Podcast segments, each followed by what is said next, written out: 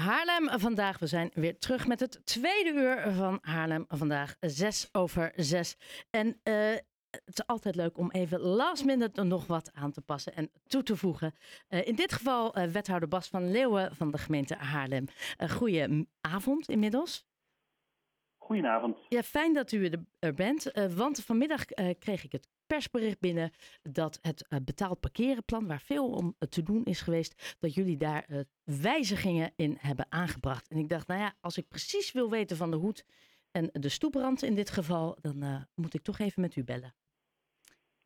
Ja, heel fijn. En fijn dat we even contact kunnen hebben zo. Ja, heel in het kort, wat waren de grootste struikelblokken vanuit de bewoners en waarin hebben jullie, zijn jullie die tegemoet gekomen? Ja, nou, wat je eigenlijk ziet um, in, de, in de vele reacties die binnen zijn gekomen, zijn twee struikelblokken. De eerste gaat eigenlijk over betaalbaarheid, over tarief. Um, is dat wel redelijk wat u doet, uh, geachte college, geachte gemeenteraad? En de tweede gaat over het effect. Dus het gaat in het effect sorteren om Haarlem leefbaar te maken. Ja, en, en welke aanpassingen hebben jullie dan uh, gemaakt? Wat we nu hebben gedaan is allereerst een tariefverlaging. Dus voor de parkeerzone C daar zal de vergunning uh, 99 euro worden voor de eerste auto. Um, en dan wordt het ook voor de komende drie jaar blijft dat hetzelfde tarief. En voor de parkeerzone D wordt dat 64 euro. Um, en dat wordt ook voor de komende drie jaar wordt dat dan vastgezet. Dat is de eerste aanpassing, dus een tariefverlaging van de bewonersvergunningen.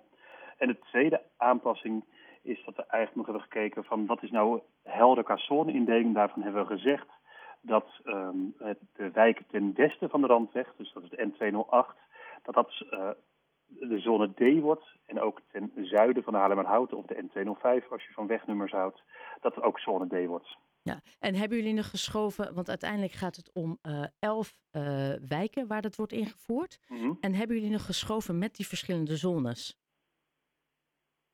Ja, dus dat hebben we inderdaad gedaan. Dus um, die, die, wat we nu doen met deze nota, dat had ook in de vorige nota, dat uh, zegt van nou, we moeten de auto nu echt een halt toeroepen. Dus de, auto, uh, uh, de auto's in de stad zijn blijven groeien.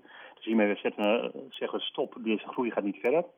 Um, maar we hebben dus inderdaad wel gezegd, dus in de wijken ten westen van de N205, de Randweg, en ten zuiden van de, nee, ten westen van de N208 en ten zuiden van de N205, dus Haarlemmerhout, dat was eerst zone C en daarvan hebben we nu gezegd dat wordt dan zone D.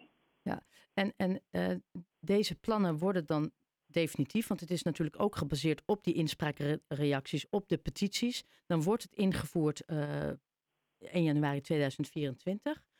Uh, wat verwacht u, verwacht u dat dit positief zal worden ervaren door die bewoners?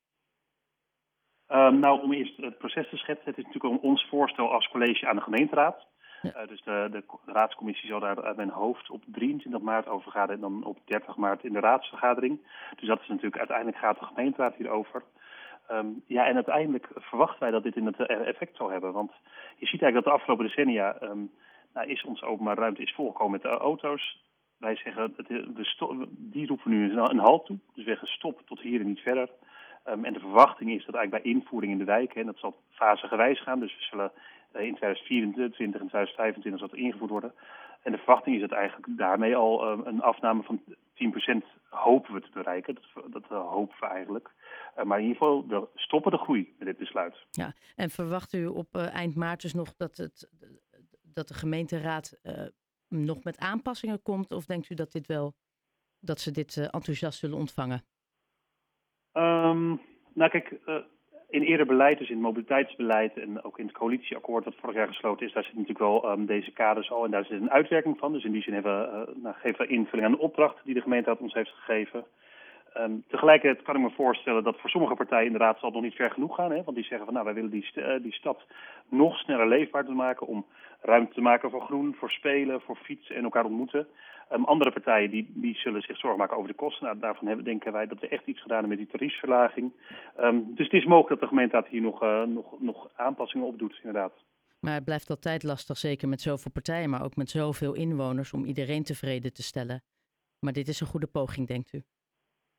Zeker, zeker. Ik ben heel benieuwd. Uh, heel erg nogmaals bedankt voor deze korte en uh, snelle uh, toelichting. En heel veel succes dan ook eind maart, wanneer u het introduceert bij de gemeenteraad. Dank u wel. Ja, hartelijk dank.